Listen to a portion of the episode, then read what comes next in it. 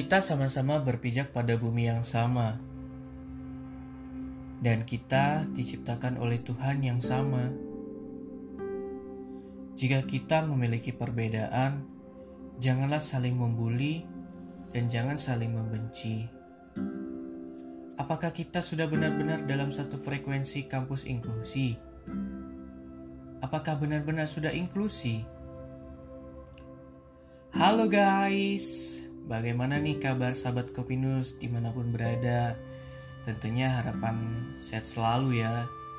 Di tengah pandemi ini tentu kita tidak boleh mudah menyerah untuk saling memberikan wawasan untuk menjaga jarak ya tentunya guys. Dan tentunya di mana pun kalian berada tetap selalu jaga prokes ya guys.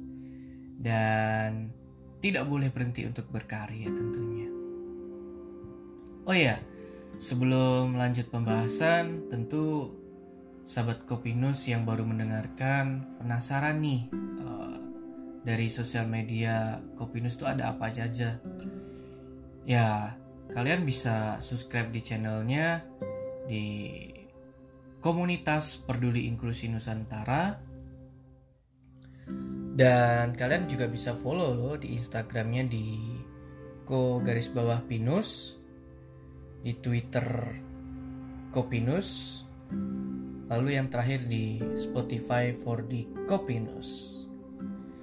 Tentunya bersama saya Hendri Cesar Delano yang akan menghadirkan narasumber yang luar biasa tentunya nggak kalah luar biasa dengan episode yang sebelumnya Inilah Imade Prasetya Wiguna Mayasa.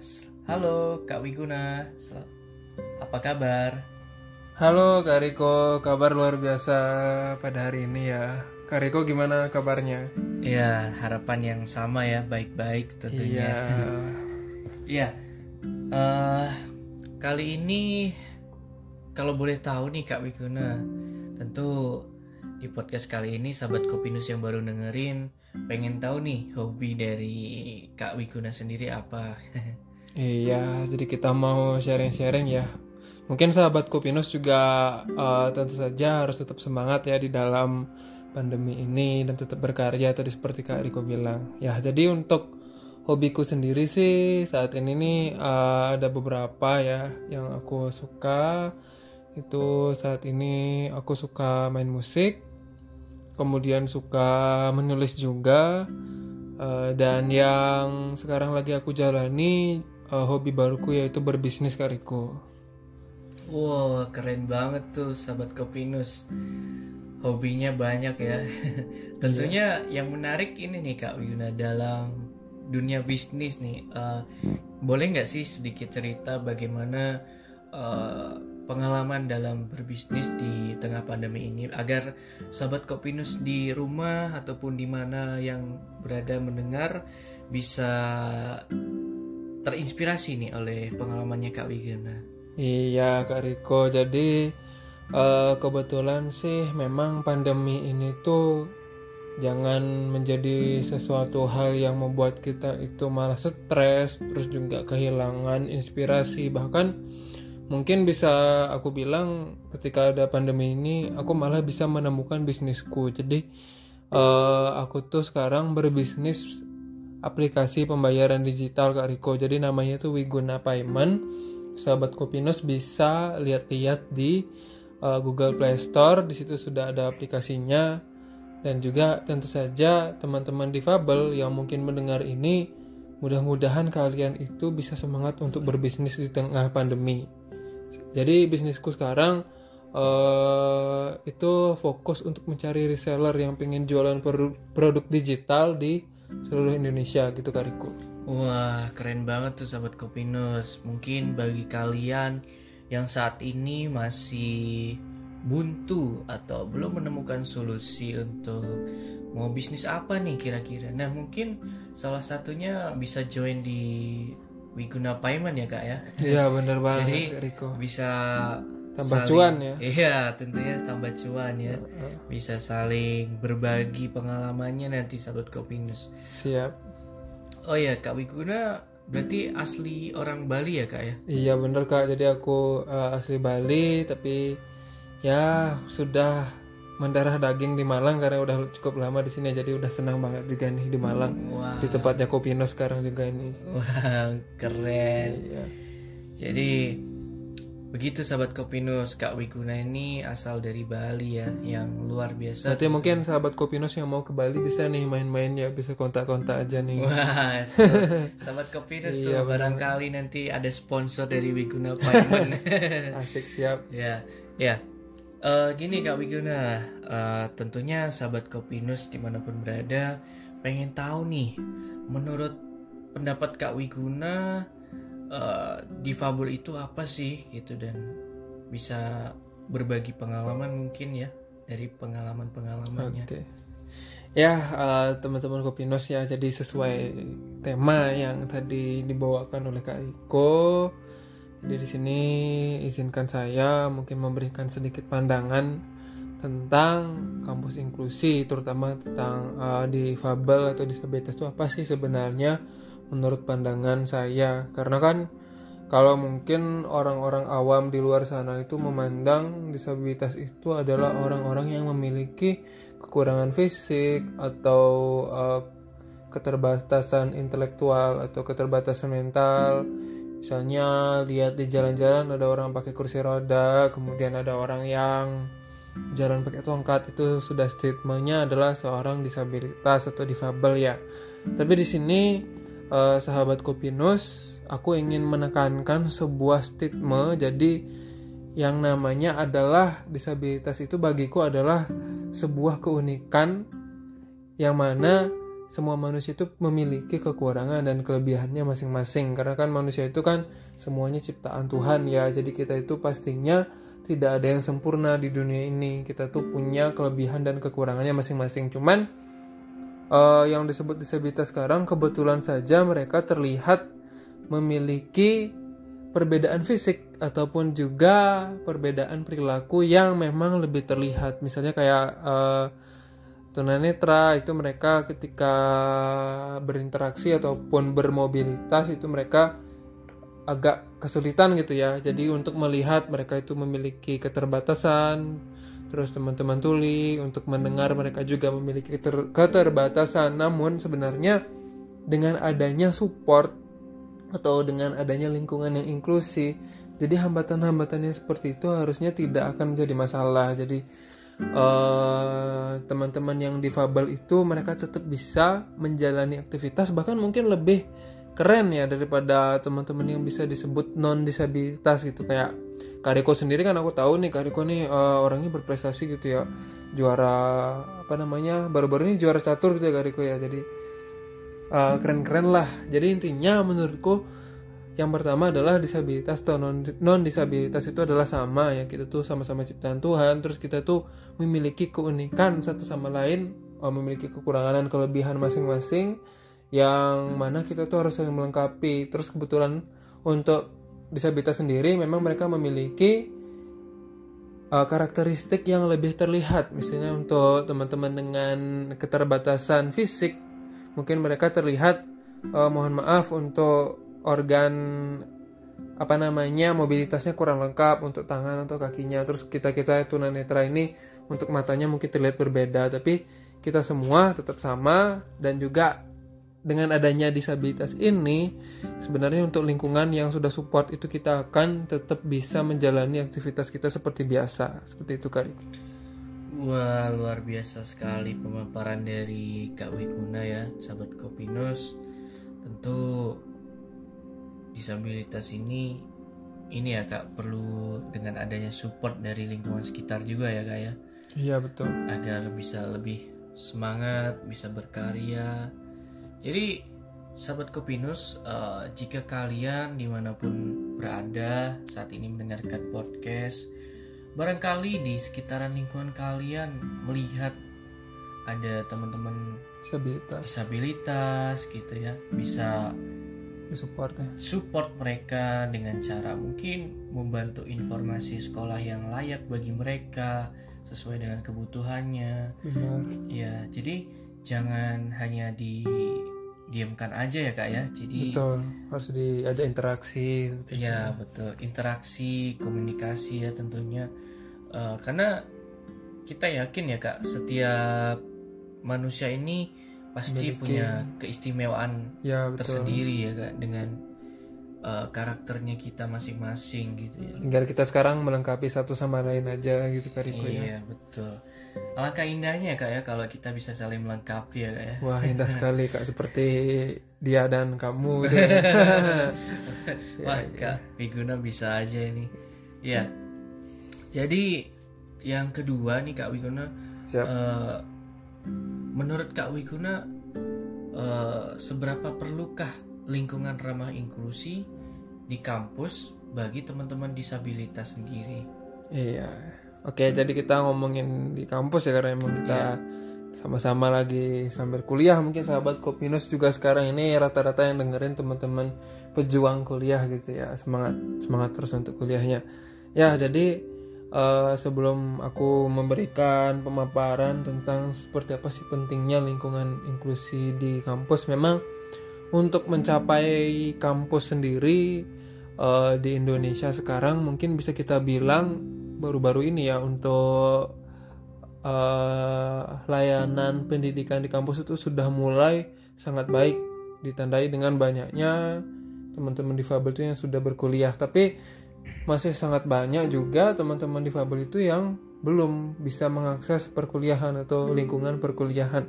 Nah, sebelum ling- lingkungan perkuliahan pun mungkin mereka masih banyak menemui lingkungan yang tidak inklusi. Nah, ini sebenarnya seperti yang saya bilang di awal tadi bahwa eh, disabilitas itu dia itu akan bisa berkembang ataupun juga akan lebih luar biasa lagi ketika ada support sistem dari luarnya jadi dari masyarakatnya ataupun dari lingkungannya. Jadi misalnya kalau mereka di masyarakat itu misalnya nggak lihat tapi mereka bisa diakomodasi dengan fasilitas-fasilitas maupun juga eh, masyarakatnya itu yang bisa mengerti gimana sih cara berinteraksinya itu pasti mereka bisa berkembang.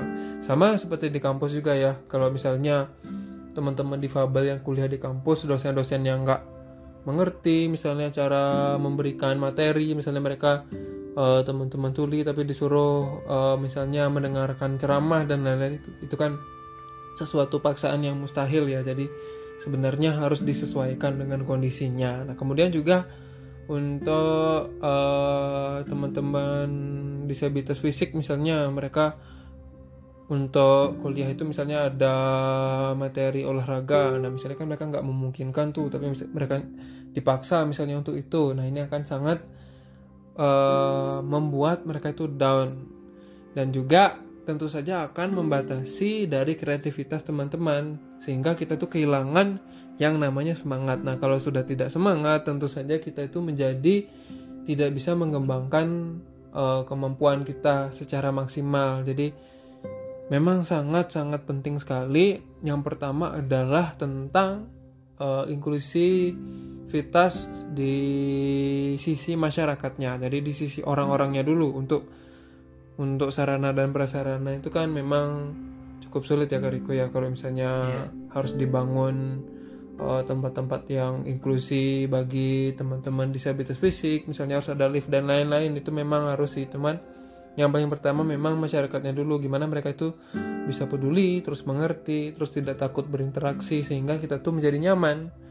Kalau kita sudah nyaman semangat terus juga eh, teman-teman itu menganggap kita itu adalah sesama manusia yang memiliki kekurangan dan kelebihan seperti yang di awal tadi. Jadi memang sangat penting sekali Kak Riko untuk perkembangan kita untuk eh, lingkungan inklusi di kampus bagi disabilitas Wah keren banget tuh Kak Wiguna ya.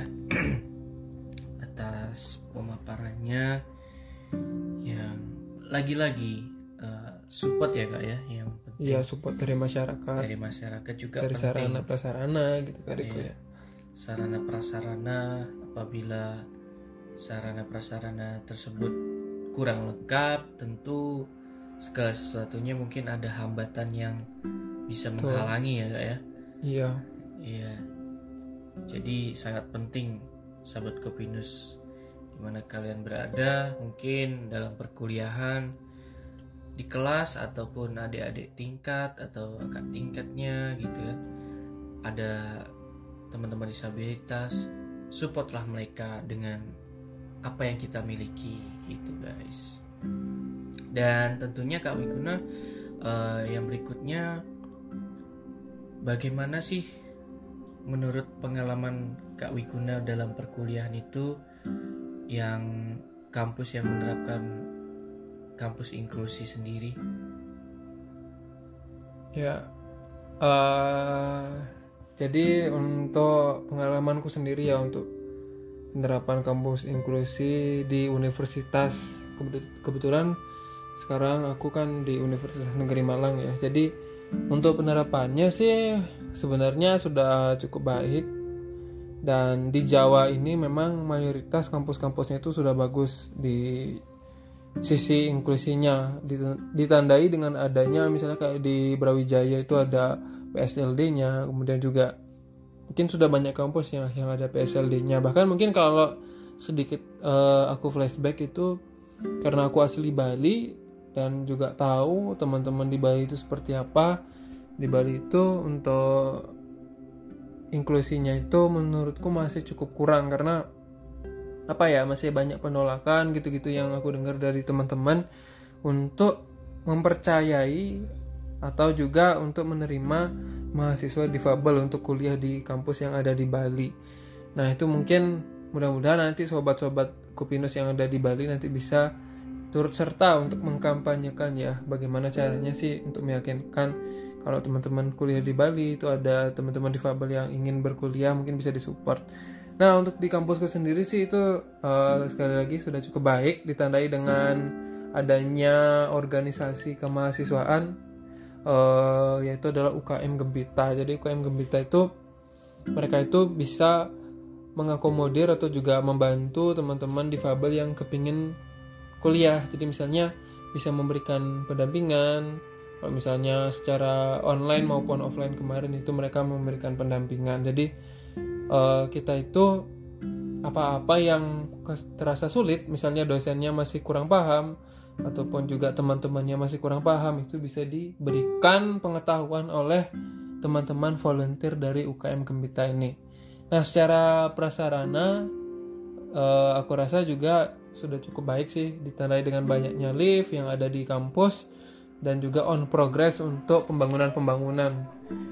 Tapi tentu saja untuk eh, kebijakan-kebijakan itu kita mahasiswa disabilitas juga diberikan ruang akses yang cukup baik untuk memberikan aspirasi seperti apa sih nantinya UM ini atau Universitas Negeri Malang ini supaya bisa lebih inklusi lagi bagi difabel. Jadi sudah cukup baik Mas Riko untuk kampus saya sendiri.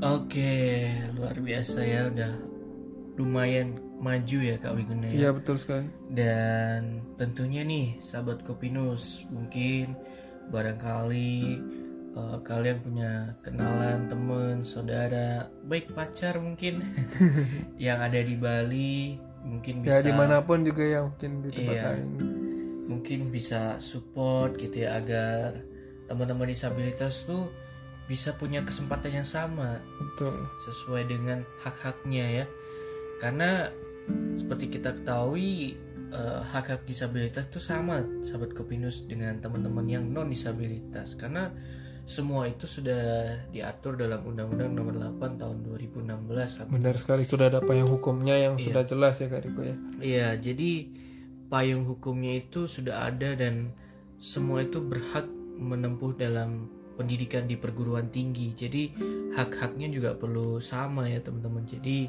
tidak ada yang membeda-bedakan karena ya itu tadi semua diciptakan memiliki keistimewaan khusus gitu tentunya bisa saling melengkapi Siap. dan oh ya Kak Wiguna tadi sempat dikatakan ada UKM Gembita ya nah sahabat Kopinus tentunya pasti ingin tahu dong Kak Wiguna kepanjangan dari UKM Gembita ini apa sih? Dan kayak uh, bergerak dalam bidang apa gitu Kak? Ya, jadi uh, eh, UKM Gembita sendiri itu kalau nggak salah kepanjangannya itu Gerakan Mahasiswa Peduli Inklusi dan Disabilitas gitu kalau nggak salah ya kepanjangannya. Karena uh, aku sudah alumni juga sih uh, di UKM tersebut. Jadi memang mereka itu bergerak di uh, bidang isu-isu disabilitas dan juga isu-isu inklusi seperti Kopino sendiri yang sekarang. Nah, mereka ini sering itu membuat kajian-kajian tentang difabel, terus juga memberikan pendampingan. Bahkan dulu waktu offline aku ingat mereka itu sampai masuk ke kelas untuk membantu kami-kami. Jadi uh, jiwa sosial itu sangat tinggi Kariko. Jadi memang mereka ini uh, istilahnya bekerja itu memang dari gerakan hati jadi tidak ada diberikan honor ataupun apa pun gitu ya. Jadi mereka memang benar-benar tulus untuk membantu kami. Teman-teman difabel mulai dari yang namanya dulu itu penerimaan mahasiswa baru sampai pokoknya semua hal ya yang memang berkaitan dengan ranah kampus Universitas Negeri Malang ini. Mereka bisa memberikan pendampingan dan juga eh, kajian-kajian. Uh, dan tentunya untuk menurunkan aspirasi juga seperti itu Kak Riko. Wah keren nih sahabat Kopinus. Kak Wikuna alumni dari Gembita ya. Jadi Gembita ini adalah sebuah gerakan dari mahasiswa non disabilitas ataupun teman-teman disabilitas sendiri yang aktif dalam organisasi tersebut ya kak ya. Iya. Tentu untuk mendukung uh, segala kebutuhan ataupun segala uh, hak-haknya memperjuangkan sama-sama ya untuk di perguruan tinggi sendiri di Universitas Negeri Malang. Betul.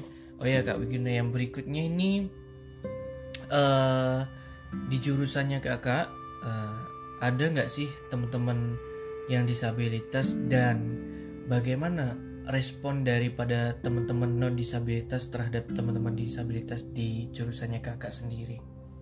Oke, ya kebetulan karena aku kuliahnya itu di jurusan pendidikan luar biasa, jadi memang yang mengkhususkan untuk di mana nanti lulusan-lulusan itu memiliki kompetensi untuk mengajar teman-teman difabel. Jadi memang secara tidak langsung sih eh, mereka-mereka uh, ini punya ketertarikan ya terhadap difabel. Dan untuk di kampusku sendiri ini cukup banyak uh, teman-teman difabelnya untuk di jurusan saya sendiri itu setiap angkatan itu pasti ada aja sih teman-teman difabel. Dan untuk pandangan teman-teman non difabel sendiri itu selama ini sih positif ya karena mereka ini kan sekali lagi memang akan menjadi pendidik nantinya atau menjadi uh, mungkin praktisi-praktisi ya dalam bidang disabilitas. Jadi mereka secara interaksi maupun respon dan juga sosialisasinya itu sejauh ini sih sangat baik. Jadi bisa membantu kami maupun juga memiliki kepekaan sosial terhadap difabel yang cukup tinggi. Tapi memang tidak dipungkiri juga memang kan e, semuanya itu di dunia ini ada dua hal ya ada yang baik dan tidak baik. Nah memang terkadang e, kadangkala itu ada beberapa mahasiswa yang uh, acuh tak acuh misalnya ketika ada di kampus. Misalnya uh, mereka mungkin tahu ada kita gitu tapi mungkin entah kenapa mungkin nggak mau nyapa atau gimana gitu ya. Itu memang secara uh, mungkin non difabel pun itu mungkin ada juga yang seperti itu. Jadi memang kita harus bisa beradaptasi sih. Jangan cum jangan hanya kita menunggu diajak interaksi dulu tapi kita harus bisa memulai juga jadi untuk pandangannya sih selama ini sangat positif sekali untuk teman-teman di jurusan seperti itu Mas Riko. Oke, luar biasa Kak Wiguna ya. Jadi apa namanya? Masih ada juga ya teman acu tak acu gitu ya maksudnya. Ya itu pasti pasti ada aja sih Kak Riko. Iya. Tapi nggak terlalu jangan sampai mempengaruhi semangat kita gitu.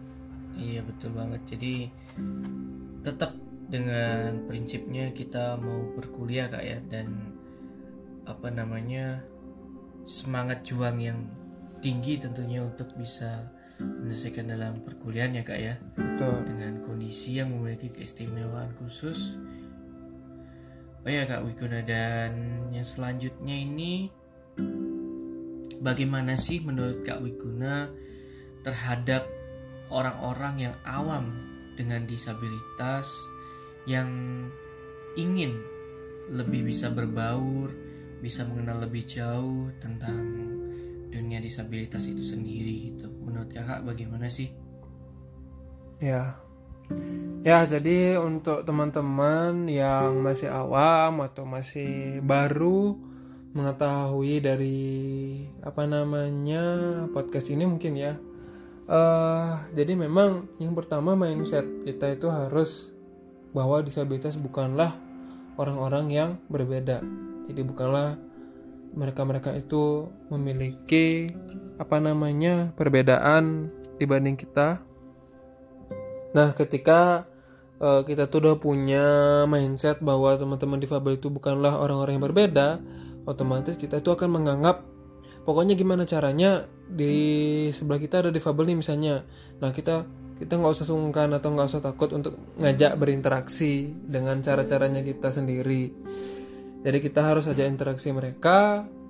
Uh, jangan takut menyinggung karena kan banyak prinsip-prinsip atau uh, yang aku tahu itu teman-teman non difabel itu takut ya ketika mengajak interaksi itu takut akan menyinggung ataupun juga melukai perasaan dari teman difabel sendiri. Jadi kita itu harus uh, apa ya biasain aja gitu lah istilahnya ya. Kalau misalnya ada teman-teman difabel kita ajak ngobrol atau misalnya tapi yang tantangan terberat ini kan kalau misalnya uh, teman-teman kita tuh berinteraksi dengan teman-teman tuli. Jadi mereka mereka kan punya apa ya istilahnya menggunakan bahasa isyarat nah di sini mungkin awareness dari bahasa isyarat sendiri bisa ditingkatkan nih buat teman-teman yang mendengarkan podcast ini bisa mengikuti maupun juga uh, berlatih bahasa syarat secara dasar di mana nanti kalau kalian bertemu nanti bisa berinteraksi. Nah terus juga selain itu tapi memang uh, tidak aku pungkiri sih memang ada beberapa tuh teman-teman awam atau misalnya memang masyarakat yang sekali lagi memiliki kepedulian yang kurang gitu ya. Jadi meskipun mereka melihat difabel tapi mereka tuh kayak acuh tak acuh aja uh, terhadap difabel.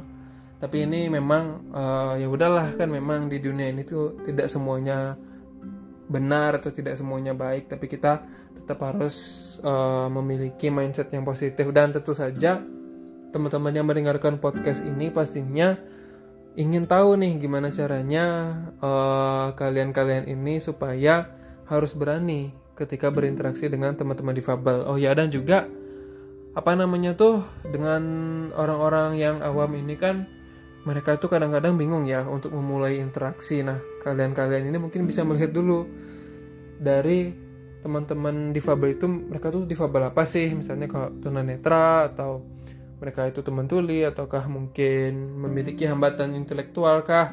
Nah, dari sini juga bisa kalian itu mengetahui cara interaksinya yang baik supaya uh, bisa memberikan respon teman-teman difabelnya. Misalnya kalau teman-teman tunanetra mungkin kalau uh, mereka tidak melihat keberadaan teman-teman, teman-teman bisa menyapa dulu. Jadi mengkondisikan nih uh, biar teman-teman tunanetra tuh bisa tahu, oh ternyata di sini ada orang atau ada uh, kalian gitu. Jadi bisa memulai interaksi. Kalau teman-teman tuli mungkin kalau kalian tidak berhadapan mungkin bisa ditepuk dulu gitu ya biar mereka bisa tahu oh ternyata ada orang dan lain sebagainya jadi intinya kalian nggak usah nggak usah takut menyinggung dan juga bisa disesuaikan aja ya dengan karakteristik atau jenis disabilitas dari teman-temannya supaya bisa berinteraksi dengan lancar seperti itu.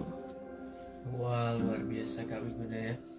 Jadi apa namanya sahabat Kopinus di mana pun kalian berada tentunya jangan takut ya jangan khawatir kalau jika kalian ingin memulai komunikasi terhadap teman-teman disabilitas apa pun uh, tentunya nggak akan mengganggu ya. Jadi justru mereka mungkin senang ya.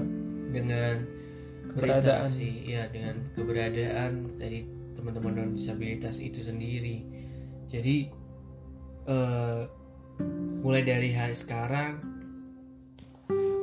sahabat Kopinus tentunya nggak boleh ya uh, menjauhi dari teman-teman disabilitas sendiri. Karena uh, semua itu pasti perlu interaksi komunikasi yang baik dan mungkin dengan kita bisa berbaur dengan teman-teman disabilitas kita bisa mendapatkan inspirasi mendapatkan motivasi untuk mendapatkan semangat hidup juga semangat juang ya tentunya betul ya. sekali jadi uh, setiap uh, lingkungan kita itu pasti akan ada membawa sisi positifnya gitu yang negatifnya dibuang aja kak ya tentunya. Iya memang ada negatifnya tapi jangan dibawa-bawa. Gitu.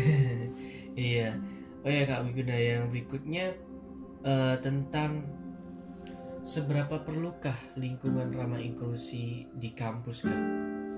Ya mungkin ini uh, memang agak mirip ya dengan di awal gitu ya tapi memang ini kita menegaskan bahwa memang sangat-sangat pentingnya lingkungan inklusi di kampus dan semua tempat.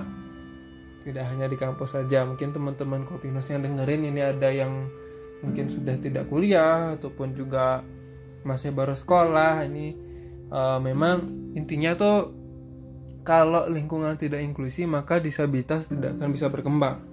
Karena disabilitas yang berkembang adalah disabilitas yang mendapatkan support dari lingkungan yang uh, inklusi. Sebagai contoh tadi, kalau teman-teman yang memiliki hambatan fisik, mereka misalnya tidak uh, memiliki fungsi apa namanya motorik, uh, mohon maaf misalnya kakinya ini lemah untuk berjalan, maka ketika mereka ingin berpindah dari satu tempat ke tempat lainnya, kalau nggak ada kursi roda, misalnya mereka pasti akan kesulitan terus misalnya teman-teman yang tunanetra mereka tidak lihat tapi misalnya mereka disuruh uh, apa namanya membaca tulisan di papan itu kan sangat tidak mungkin ya mereka tidak akan bisa.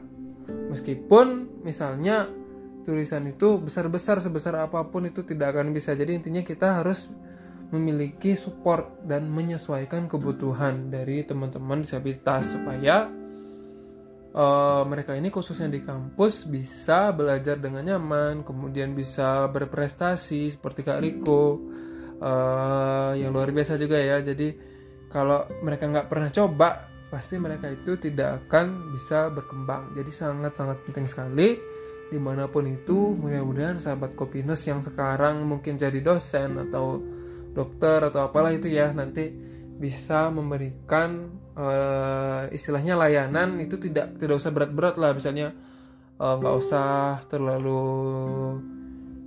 bersifat material. Mungkin bisa bersifat dukungan-dukungan sosial aja itu sudah sangat baik. Misalnya interaksi yang seperti seperti tadi kita bicarakan gitu ya supaya teman-teman difabel juga bisa bertukar cerita dengan lingkungan sekitarnya. Jadi sangat-sangat penting sekali Kariko iya tentu lagi-lagi support ya kak ya. Nggak jauh beda dengan uh, yang dinyatakan oleh kak Wiguna di awal tadi ya. Karena memang benar banget sih teman-teman.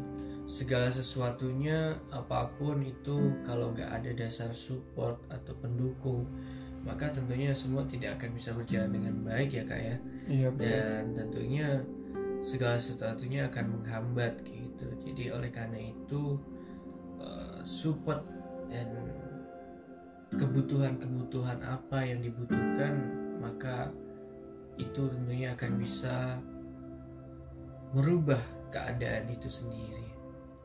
Nah, Kak Wiguna ini nggak terasa ya dari tadi kita sudah berbincang-bincang banyak dan ada satu lagi terakhir Kak dari saya nih. Tentunya apa sih pesan dan harapan dari Kak Wiguna terhadap teman-teman disabilitas untuk melatih kemampuannya dalam bersosialisasi. Ya,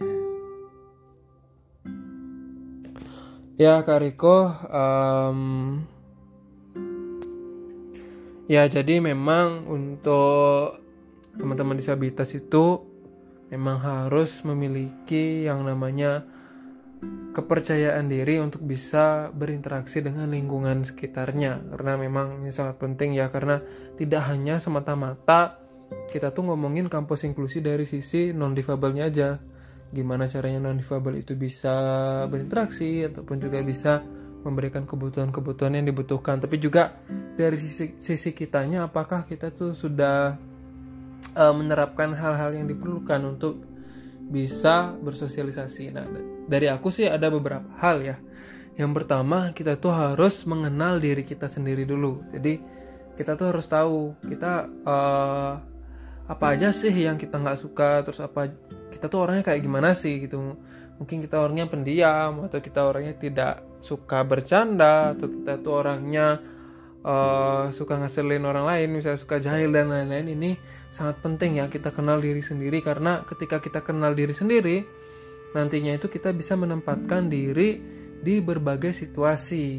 Misalnya kita tuh orangnya nggak suka uh, film horor misalnya. Kalau kita misalnya nanti diajak nonton, nah itu mungkin kita bisa uh, menyesuaikan gitu supaya nanti tidak terjadi hal-hal yang berlebihan mungkin dalam diri kita. Jadi kita tuh harus kenal diri kita sendiri dulu. Nah, kalau kita udah kenal diri kita sendiri, nanti kita bisa uh, memberikan situasi atau menyesuaikan ya dengan keadaan-keadaan yang akan kita hadapi. Nah, terus juga kita tuh harus selalu bersyukur karena banyak nih uh, teman-teman difabel itu terutama yang baru-baru uh, menghadapi disabilitasnya itu mereka tuh kayak merasa uh, ini nih ternyata cobaan terberat dari Tuhan untuk saya karena saya itu kenapa sih diberikan keterbatasan? Misalnya awalnya mereka melihat terus tiba-tiba kecelakaan atau yang lain-lainnya sehingga mereka itu nggak melihat. Nah terus mentalnya down atau uh, menjadi sedih sehingga mereka itu memiliki uh, prinsip apa sih gunanya hidup dan lain-lain. Nah ini akan membuat mereka itu tidak akan berinteraksi. Boro-boro bersosialisasi mereka mensyukuri diri sendiri aja belum kan mensyukuri kehidupannya aja misalnya belum untuk semangat hidup aja belum. Nah, jadi di sini penting buat teman-teman disabilitas yang mendengarkan ini, kalian tuh harus tetap bersyukur.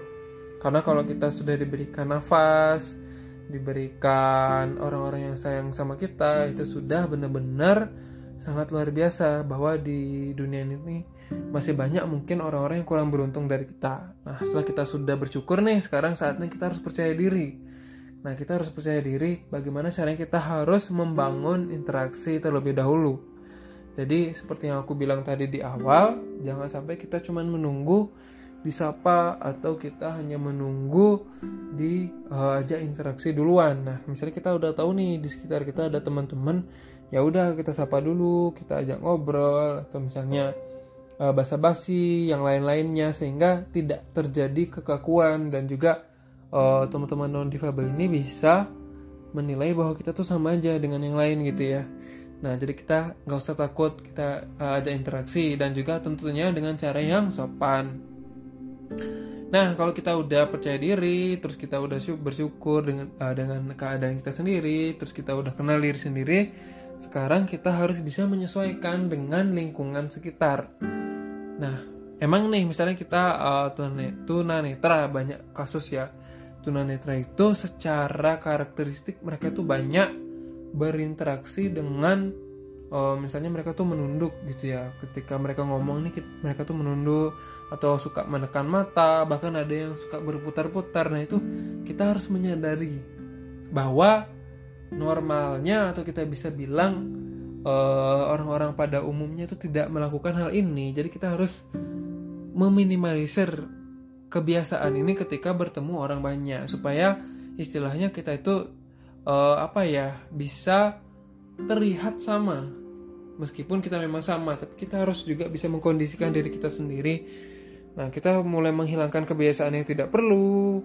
Nah jangan sampai kita itu merasa tersinggung ketika orang menegur. Misalnya uh, Rik, uh, Kariko jangan nekan-nekan mata atau jangan berputar-putar dan lain-lainnya. Nah ini kita jangan tersinggung itu hal-hal yang diberi tahu oleh orang supaya kita tuh menjadi orang-orang yang lebih baik lagi. Nah dari sinilah kita harus membiasakan diri. Misal contohnya biasakan kita itu berhadapan tegak lurus ketika berbicara misalnya secara ciri-ciri fisik seperti itu kita juga harus bisa menyesuaikan nah ini tapi tentunya hal-hal yang bisa diubah ya oleh kita ya. Bukannya hal-hal yang tidak bisa diubah misalnya uh, teman-teman difabel fisik yang kakinya lemah terus harus dibiasakan supaya bisa berjalan sendiri. Nah bukan seperti itu tapi memang kebiasaan-kebiasaan yang kita bisa ubah tanpa kita itu harus uh, apa ya bekerja keras dengan fisik kita sendiri. Jadi memang yang benar-benar bisa diubah kecuali fisik-fisik yang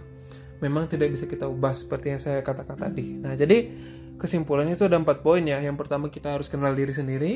Yang kedua kita harus uh, bersyukur percaya diri dan juga yang terakhir kita bisa menyesuaikan dengan lingkungan sekitar terhadap kondisi kita. Jadi mungkin itu sih uh, untuk apa namanya saran-saran supaya teman-teman difabel ini bisa bersosialisasi dan berinteraksi dengan lingkungannya. Wah keren banget tuh. Jadi ada beberapa poin yang tentunya sahabat Kopinus bisa dicatat ya, bisa direnungkan juga nih bagi teman-teman disabilitas yang mendengarkan. Uh, yang pertama mengenali diri sendiri ya Kak Wiguna ya, jadi ya, itu betul. sangat penting tentunya dan yang kedua bersyukur nah bersyukur juga bisa dalam kondisi apa pun juga kita bisa bersyukur. Meskipun kita mungkin uh, ada yang memiliki terlahir uh, memiliki keistimewaan khusus tentu kita bersyukur karena setiap apa yang kita raih apa yang kita sudah berjuang itu pasti akan tidak akan menyia-nyiakan hasil gitu teman-teman. Dan yang ketiga percaya diri. Itu percaya diri dalam mengambil keputusan, percaya diri dalam berinteraksi.